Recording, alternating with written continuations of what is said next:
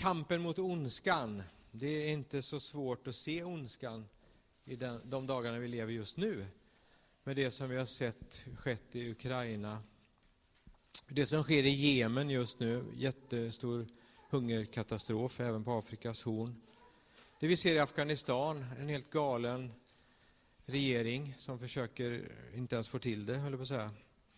Eh, men vi ser det hemma också. Vi, ser ju, vi brukar prata mycket om skjutningar i vårt land, gängkriminalitet. Och vi ser mörkret kanske i oss själva ibland när vi inte gör det som vi egentligen vill göra. Och det vi kanske ibland ställer till det både för oss själva och för andra. Men vi ska läsa ett bibelord och börja därifrån, Efesierbrevet 6, ett av de bibelord som, som är för den här dagen. Och jag läser med, vi läser tillsammans, eller jag läser framifrån här. Till sist, bli starka i Herren och i hans väldiga kraft. Ta på er hela Guds vapenrustning, så att ni kan stå emot djävulens listiga angrepp. Vi kämpar inte mot kött och blod, mot, utan mot förstarna, mot makterna, mot världshärskarna här i mörkret och mot ondskans andemakter i himlarymderna. Ta därför på er hela Guds vapenrustning så att ni kan stå emot på den onda dagen. Stå upprätt när ni har fullgjort allt. Stå alltså fasta med sanningen som bälte runt höfterna, klädda i rättfärdighetens pansar. Bär som skor på era fötter den beredskap som fridens evangelium ger. Ta dessutom trons sköld, med den kan ni släcka den ondes alla brinnande pilar. Ta emot frälsningens hjälm och Andens svärd som är Guds ord. Gör detta under ständig bön och åkallan. Be alltid i Anden. Var därför vakna och håll ut i bön för alla de heliga. Amen. Det här talar ju om en, en världsbild som vi har. Vi som tror på Gud, vi lever med en annan världsbild än de människor runt omkring oss. Och vi tror inte på på ett sätt på en mänsklig lösning på ondskans problem, utan vi tror på Guds lösning på ondskans problem. Och om man ska beskriva vår världsbild helt kort, så är det ju egentligen, det är ju som tre skikt av vår verklighet. Först finns det jorden, den, den skapade jorden. Gud skapade människan, skapade naturen, skapade djuren och han skapade gott och fantastiskt och underbart och att vi skulle njuta av det ha gemenskap med Gud. Och Det andra skiktet som finns här, det, det är liksom den världen som är i det ondas, den ondes våld. I, I första Johannes 5 och 19 står det så här, vi vet att vi tillhör Gud, att hela världen är i den ondes våld. Vi vet att det finns en djävul, det finns en Satan. Eh, det finns en ond makt som är verksam över den här jorden och det är den vi liksom ser ansiktet på.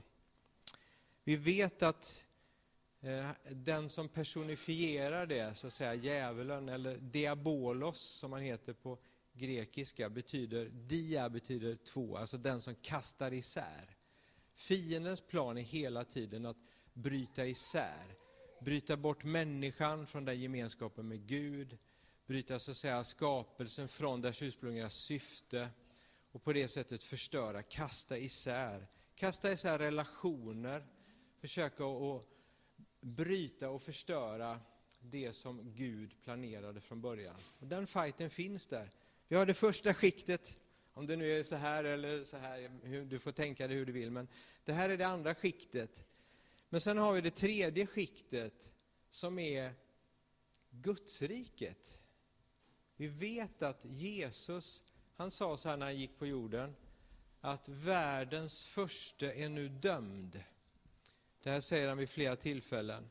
Och vi vet att vid Jesu död och uppståndelse så fullbordades eh, kampen mot fienden, kampen mot djävulen i Jesu uppståndelse. Och att Gudsriket har blivit tillgängligt redan nu. Amen. Och Det är det tredje skiktet och vi måste leva med den här världsbilden och förstå den som troende så att vi kan se skillnad på de olika sakerna.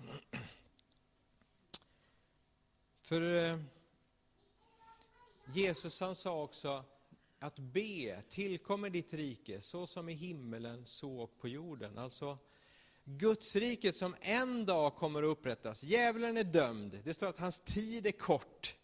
Eh, men han finns, har fortfarande så att säga, makt kvar. Och vi finns i det här redan nu, men ännu inte. Det är där vi finns och det är där vi på något sätt har den, den vånda vi har över ondskan, att leva med den här dubbelheten. Och, och, vi behöver på något sätt förstå det, och vi behöver leva i det, att det redan, redan nu finns Gudsriket här.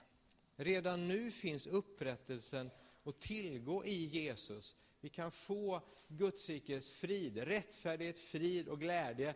Den kan vi ha nu. Den kan man ha mitt i dåliga omständigheter, den kan man ha mitt i svåra situationer. Men vi vet också att saker händer hela tiden. Sjukdom, krig, elände. Och, och, och den här fighten, där får vi leva. Det är därför vi får stridsrustning. Vi lever egentligen i ett krig. Om vi, om vi inte accepterar att vi lever i ett krig så tror jag vi kommer att bli liksom slagna. Vi kommer inte att förstå. Så den här bilden är, är jätteviktig att förstå. Så när vi då lever i den här liksom dubbelheten att både ha, både ha den goda jorden, den goda, det, det goda Gud har tänkt, men också fighten med det onda. Så, så har vi några vägar att gå där. Antingen kan vi, vi kan gå åklagarens väg. Satan kallas också för åklagaren. Vi kan skylla saker på alla andra. Vi kan skylla saker på människor. Och vi kan så att säga låta kampen bli med, mot kött och blod. Men det säger i Fesebrevet att det, in, det är inte mot kött och blod. Utan allt ont har en bakgrund i en andlig verklighet. Så vi ska inte gå in och bli åklagare. Men däremot så får vi, jag ska bara ta den här, en liten pass här, vi får faktiskt klaga. Eller? Får man klaga som kristen? Det beror på vart man klagar. Om du slår upp din bibel så har du en bok som heter Saltaren som är full av klagomål. Men det är något med de klagomålen, att de klagomålen vänder sig till Gud. Gud, hur länge ska du dröja med att fullborda din dom? Gud, hur länge ska du vända ditt ansikte ifrån oss? Vi vet att du har upprättat allt och du kommer att upprätta allt en dag. Låt det gå fort.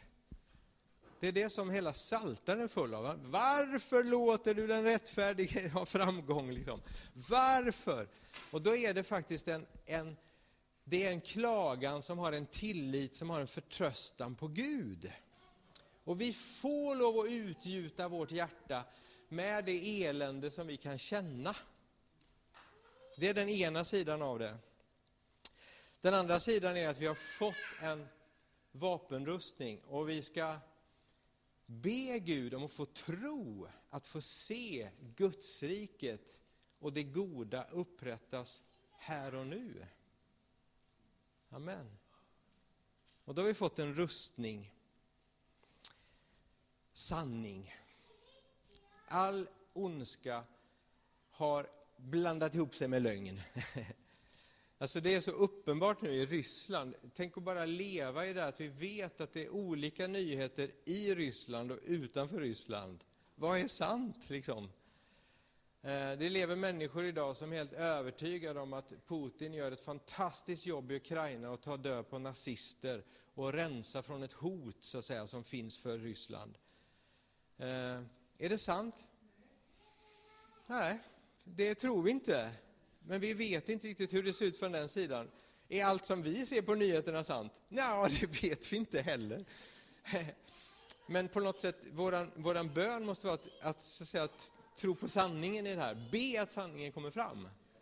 Det är ungefär som i relationer med varandra. När vi börjar småljuga lite grann och småförställa oss lite grann som någonting vi inte är, så blir det knasigt i relationer. Det är bättre att vara ärlig. Som någon sa så här, jag tycker det, jag jag bestämde mig att jag ska prata sanning, för det är mycket lättare att komma ihåg och säga rätt sen, vad jag gjorde. Det tycker jag är bra. Om man börjar ljuga vet du, så vet jag inte vad jag ljög för dig och vad jag sa till dig och hur blev det. Liksom så här. bättre att hålla sig till sanningen. Och det ligger något djupt i det på något sätt, för där, är, där finns en... Eh, det är viktigt, annars så snubblar vi. Rättfärdighetens pansar. Att leva i den rättfärdighet, fast vi lever i en trasslig värld, vi kanske själva gör saker som är fel, men ta emot den rättfärdighet som Jesus ger oss, få förlåtelse för det vi har gjort som varit fel, och sen få stå upp i rättfärdigheten. Att kunna vara frimodig inför Gud. Att vi får ha skor som är, är, liksom tar oss dit vi vill. Att vi, vi är villiga, att vi inte är bekväma, utan att vi liksom ser till att vi har en alerthet i vårt liv. Jag har precis träffat bröder och systrar ifrån, från eh, Livets Ord. Vi var iväg på några dagar. Och det är så underbart tycker jag. Det finns en egenskap som, som man har på Livets Ord som är liksom, det dröjde liksom knappt ett dygn innan de var nere i Ukraina med hjälptransporter. Det är liksom verkligen direkt sätter man fart. Det fanns en beredskap. Är det något så sätter vi fart. Att vara beredd att gå goda ärenden för, god, för att sprida det goda istället för det onda. Trons sköld. Att vi får tro för att se Gudsriket här och nu. Att vi får tro att det, att det onda kan övervinnas. Frälsningens hjälm, vad tänker du på? Vad fyller dina tankar med? Ibland hör jag människor och tycker det är sunt, man stänger av Facebook och sådana här saker en tid för att liksom bara få, få landa i vad ska, jag, vad ska jag lägga min tanke på? Andens värld, vi har ett fantastiskt Guds ord som ger oss tröst, som ger oss stöd, som, som, som på något sätt bara öppnar Bibeln, läsa, låta Gud få tala eh, och få, få möta Gud i ordet. Också kunna förstå det som, vår världsbild, förstå det Gud har kallat oss till. Så vi har en väldig styrka gentemot ondskan i vår tro hos Jesus. Både den som rör oss själva, eh, saker som händer, människor kanske blir sjuka, kanske finns död, kanske finns jobbiga saker. Det finns någonting i, som kan bekämpa ondskan i våra liv. I världen, att vi får, vi får bara klaga inför Gud. Gud, hur länge ska du låta de här orättvisorna gå på? Och vi får vara villiga att ge, vilja, som vi sa här förut, att bekämpa det onda med det goda. Ibland så är det att gå en andra mil och bara välsigna någon kan bara ta udden av en relation där det har kört sig. Till exempel. Så Herre, vi tackar dig för att vi får eh, förstå den värld som vi finns i. Förstå din plan av en skapelse full av härlighet och kärlek, närvaro av dig, Herre. Vi får också förstå vad det är som synden har gjort i vår värld, vad den onde står för. Tack att vi inte behöver vara rädda för honom. Tack att du ger oss en trygghet, Herre. Och Herre, så ber vi att vi ska få tro för ditt rike, Herre. Att ditt rike kan bli redan här och nu. Ditt rike är inte bara vänta till vi kommer till himlen, här, utan ditt rike kan utbredas här och nu, Herre. Tackar dig för det, Herre. Så vi ber att du fyller oss med tro och tillförsikt, Herre. Att du gör våra fötter alerta, Herre. Att vi får leva i din sanning, i din rättfärdighet, Herre. Vi tackar dig för det, Herre. Ge oss utav ditt ord, Herre. Låt din helige Ande få leda oss, Herre. Att vi får se vad vi ska göra, Herre. Tack att du låter ditt folk vara på alerten, Herre. Vi ber om det, Herre, i Jesu namn. I Jesu namn.